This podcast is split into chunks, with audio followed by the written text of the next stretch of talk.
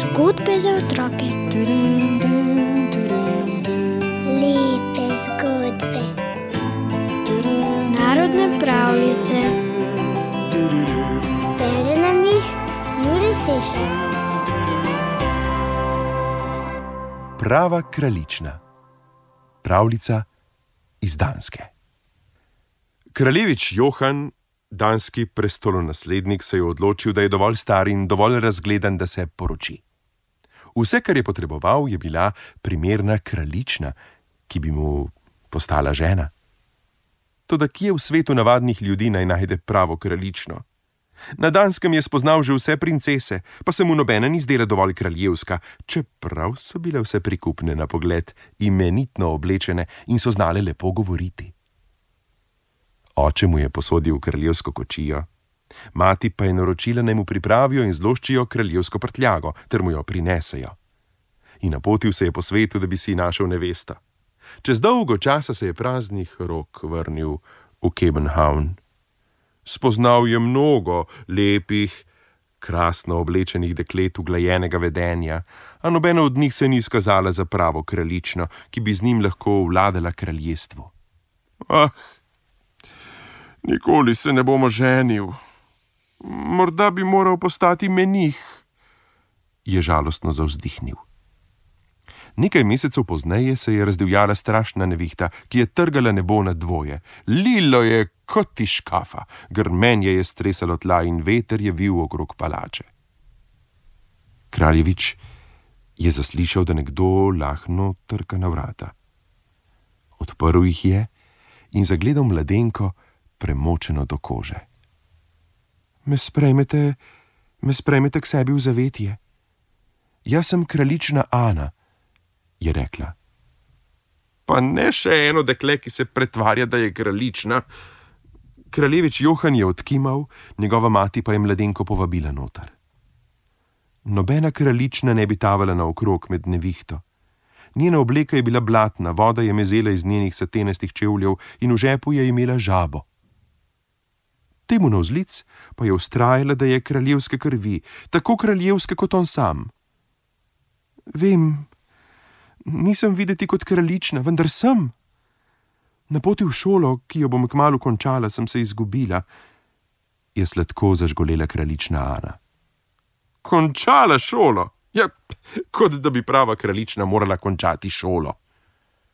Kraljevič je na skrivaj zauzdihnil. Ja, še eno neprimerno dekle, čeprav je bilo daleč lepše kot vse, vse, kar jih je spoznal.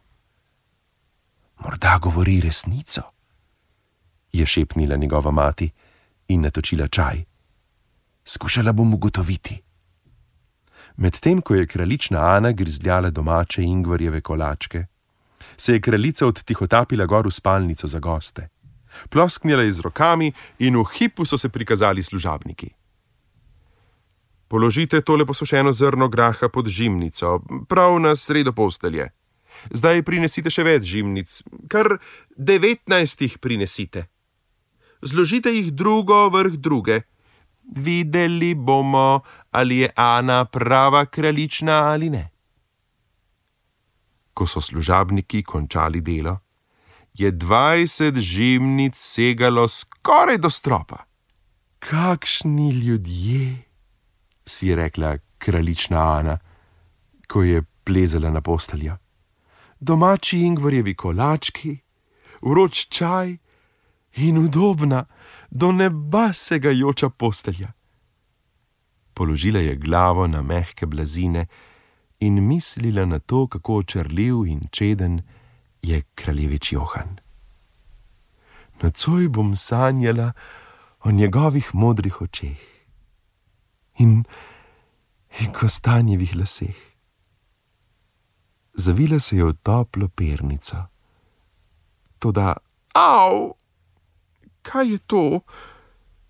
Zjutraj je prišla dol po stopnicah, široko zehala in si bela oči. Ah, nekaj trdega je bilo pod žimnicami, je rekla. Niti zatisnila nisem oči. Kraljica se je zmagoslavno obrnila k kraljeviču Johanu. Samo prava kraljična je dovolj občutljiva, da skozi 20 debelih žimnic začuti grah. Tudi, tudi Johanu je bilo to tako jasno. Pokleknil je pred kraljično Ano in jo prosil za roko. Kraljična Ana je privolila, kraljevič Johan je bil všeč, všeč že od trenutka, ko je odprl vrata. Njuna svadba je bila lepša od vseh kraljevskih porok, kar jih je kdaj bilo.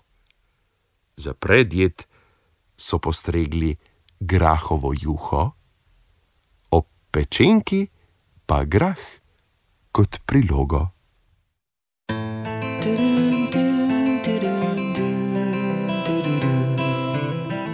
Zgodbe za otroke.